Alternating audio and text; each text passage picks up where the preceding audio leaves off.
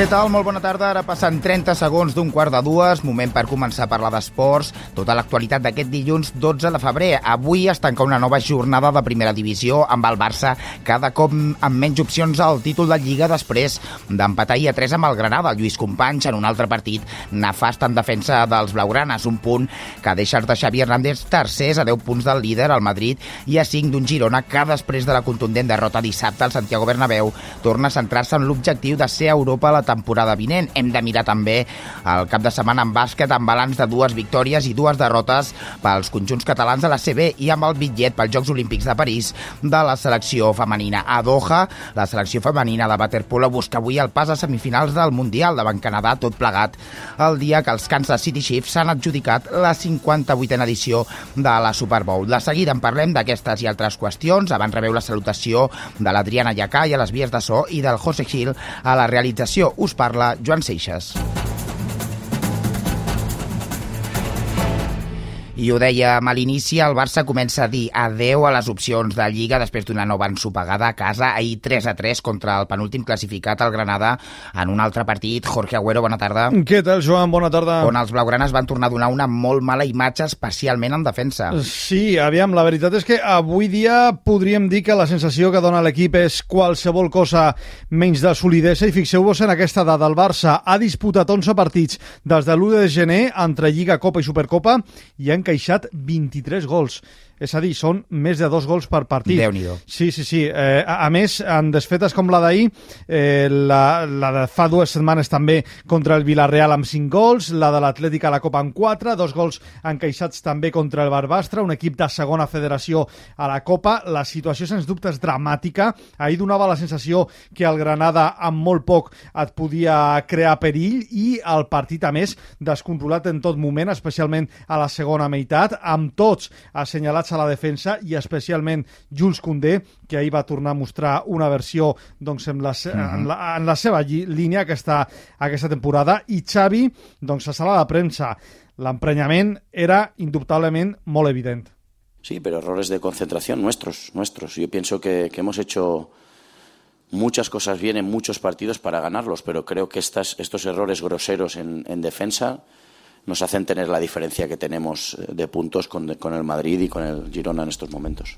Hem parlat dels gols, anem a parlar ara dels números a la Lliga. Encara manquen 14 jornades, això són 42 punts, mm -hmm. però jo crec que després d'aquest cap de setmana eh, doncs ja sembla impossible. La diferència avui dia és de 10 punts amb el Madrid, de 5 amb el Girona, veient com està l'equip, inevitablement s'ha de pensar que la Lliga està perduda i que ara l'objectiu és recuperar la segona posició, sobretot per garantir la presència a la Supercopa d'Espanya, la qual cosa més enllà de lo purament esportiu s'ha de veure també en termes econòmics de calés. Uh, recuperar la segona posició i sobretot mantenir la distància, especialment amb l'Atlètic, que és de 6 punts, però que aquesta nit, recordem, l'equip basc juga al camp de l'Almeria i és molt difícil pensar que aquesta diferència doncs, no es retagi i ja tindríem, eh, en cas de victòria de l'Atlètic, un marge de 3 punts entre el Barça amb 51 a la tercera posició i l'Atlético a la quarta posició amb 48, els mateixos que tindria l'Atlètic, ja dic, en cas de victòria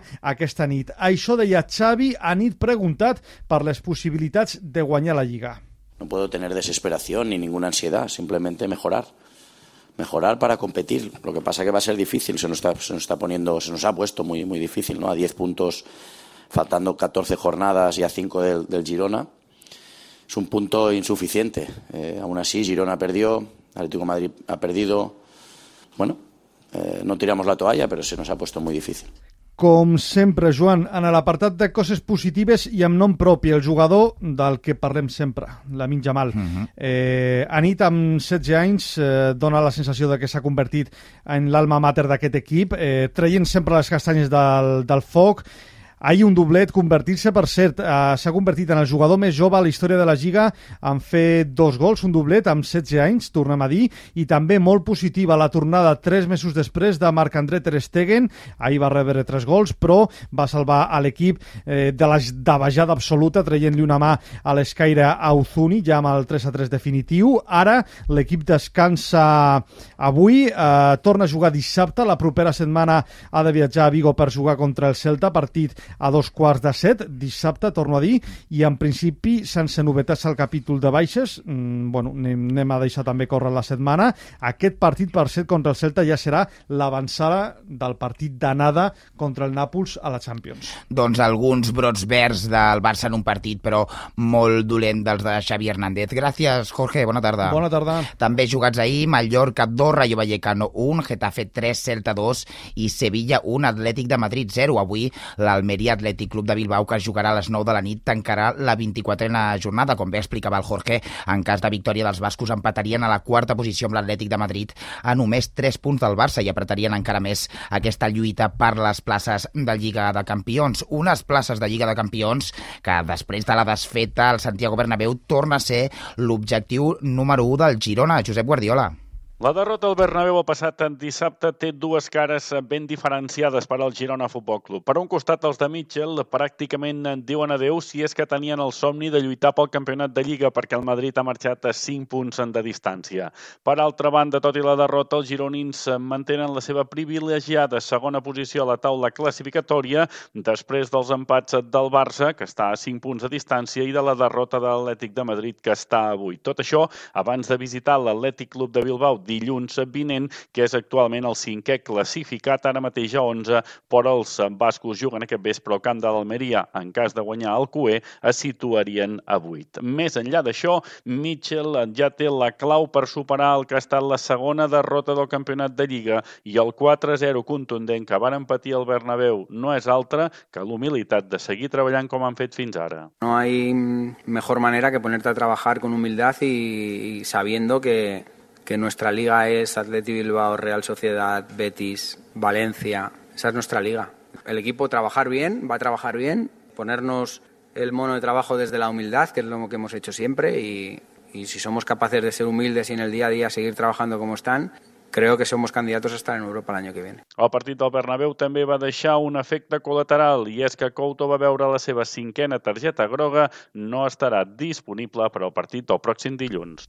I encara un apunt de primera divisió, el migcampista del Real Madrid, Jude Bellingham, estarà tres setmanes de baixa per un esquins al turmell que es va fer dissabte en el partit contra el Girona. D'aquesta manera, l'anglès espera l'anada dels vuitens de final de la Champions contra el Leipzig de demà i és dubte pel partit de tornada. A la segona divisió divisió. Avui es tanca la 26a jornada, dos quarts de nou. Valladolid-Albacete, una victòria del Pucela faria caure l'Espanyol fins a la sisena posició, l'última que dona accés al playoff. Els blanc i blau són ara cinquens amb 41 punts a 6 de l'ascens directe després de caure dissabte a Santander per 2 a 0. Avui jornada de descans, demà l'Espanyol tornarà als entrenaments per preparar el partit de dissabte a Cornellà al Prat davant el Mirandés.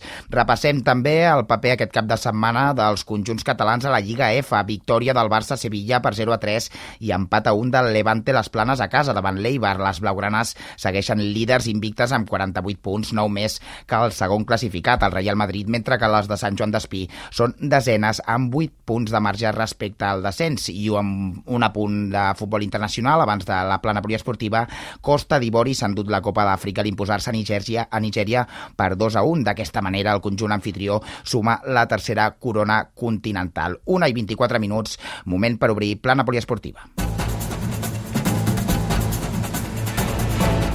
I ho fem repassant el cap de setmana a la Lliga CB, començant, Àlex Carazo, bona tarda. Bona tarda. Per la victòria del Barça davant el Manresa en el primer assalt entre dos conjunts que divendres es tornaran a enfrontar als quarts de final de la Copa. Sí, duel igualat el que es va veure el nou Congost entre el Baxi Manresa i el Barça, que va acabar amb victòria blaugrana 77 a 87. Javari Parker va ser el millor del partit amb 16 punts, 8 d'ells consecutius als últims minuts per acabar de trencar l'enfrontament. Com deies, comença una de les setmanes més especials al bàsquet amb la Copa del Rei uh -huh. i mhm. divendres tornarem a tenir aquest duel català als quarts de final. Sobre aquest partit de Copa van parlar l'entrenador dels manresans, Pedro Martínez, i el capità del Barça, Àlex Abrines, que va jugar els seus primers 10 minuts després després de dos mesos de lesió.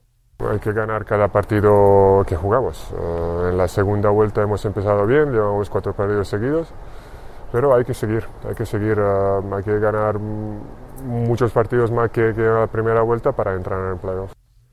Eh, hem escoltat finalment primer a Tomic, en seguida ho recuperem perquè també he jugat ahir. Meritòria victòria del Joventut a la pista del Bascònia per 78 a 81 amb un Andrés Félix estel·lar amb 27 punts i 34 de valoració, la millor de la seva carrera a l'ACB. Els de Carles Duran són l'únic equip en 5 de 5 a la segona volta i l'altre equip català que ens queda per repassar, el Girona, va patir una dura derrota dissabte a la pista del Morabanc Andorra 93 a 66, 27 punts de diferència. El balanç, el balanç dels gironins les darreres 10 jornades és d'una victòria i 9 derrotes. Encara en bàsquet, bones notícies, Àlex. La selecció espanyola femenina estarà als Jocs Olímpics de París. Sí, de fet, ja ho sabien abans de jugar el seu últim partit contra Hongria perquè la victòria del Japó sobre Canadà va donar directament el bitllet a la selecció espanyola. Tot i això, van guanyar les hongareses 73 a 72, un partit que van arribar a anar perdent de 22 punts a l'inici del tercer quart. Escoltem el seleccionador Miguel Méndez. Lo más importante es lo primero, ¿no? la clasificación y que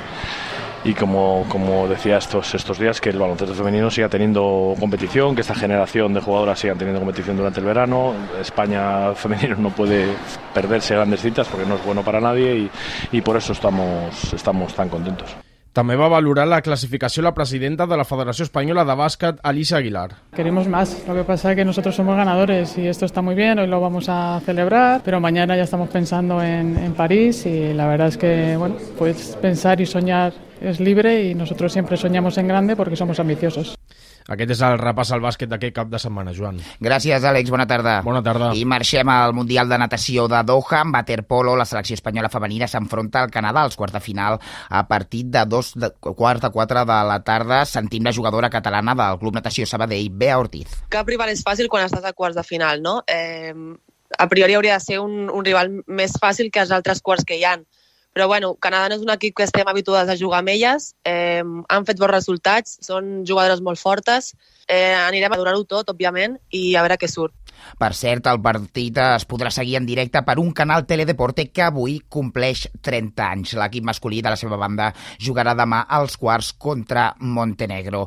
Pel que fa a la natació, el balear del Club Natació Terrassa, Mario Molla, lluitarà aquesta tarda per les medalles després de certificar ahir la seva presència a la final dels 50 metres papallona a l'imposar-se en la segona semifinal. Mollà preveu un final molt igualat. Algo que, bueno, que con mi entrenador Sergi eh, practicamos mucho el tema de la visualización y bueno, yo me veía haciendo eso, entrando en final, eh, saludando a la cámara, eh, estando feliz y, al final es lo que, lo que ha salido. Los 50 son, son así de, de apretados todos y bueno, eh, al final quien tenga las uñas más largas gana. També aquesta tarda semifinals masculina i femenina del Sen Esquena amb Hugo González i Carmen Weiler buscant una plaça a la final. Ahir l'equip de relleus masculí va finalitzar vuitè a la final dels 4% estils. I de Doha a Las Vegas, per parlar de futbol americà, els Kansas City Chiefs es van endur la 58a edició de la Super Bowl després de superar els San Francisco 49ers. First and goal. Mahomes on the move. Touchdown! Aquest era el moment en què Michael Harman, a passada de Patrick Mahomes, aconseguia el touchdown que donava el triomf a l'equip de Missouri quan només restaven 3 segons pel final de la pròrroga. D'aquesta manera, els Chiefs es posaven 25 a 22 i donaven la volta a un partit en el que sempre havien anat a remolc, que és el segon cop a la història que la Super Bowl es decideix al temps afegit amb el d'ahir. Els Kansas City Chiefs sumen el tercer títol en les últimes 5 temporades i el cinquè de la franquícia. En tennis, Paula Badosa s'ha a la nord-americana Ashley Kruger en la primera ronda del Masters 1000 de Doha. La catalana ha guanyat en 3 sets, 6 a 3, 4 a 6 i 6 a 4, un partit que s'ha acabat de disputar aquest migdia, després que ahir quedés ajornat per la pluja. I acabem parlant d'atletisme, notícia trista. Aquesta matinada coneixíem que el plusmarquista mundial de marató, el canià Kelvin Kiptum, ha mort en un accident de trànsit als 24 anys. Al cotxe també hi anava el seu entrenador. El corredor tenia el rècord mundial de la prova amb una marca de 2 hores i 35 segons. És tot pel que fa als esports. Es queden ara amb l'informació de Caire General amb la Mireia Moreno. Gràcies, bona tarda.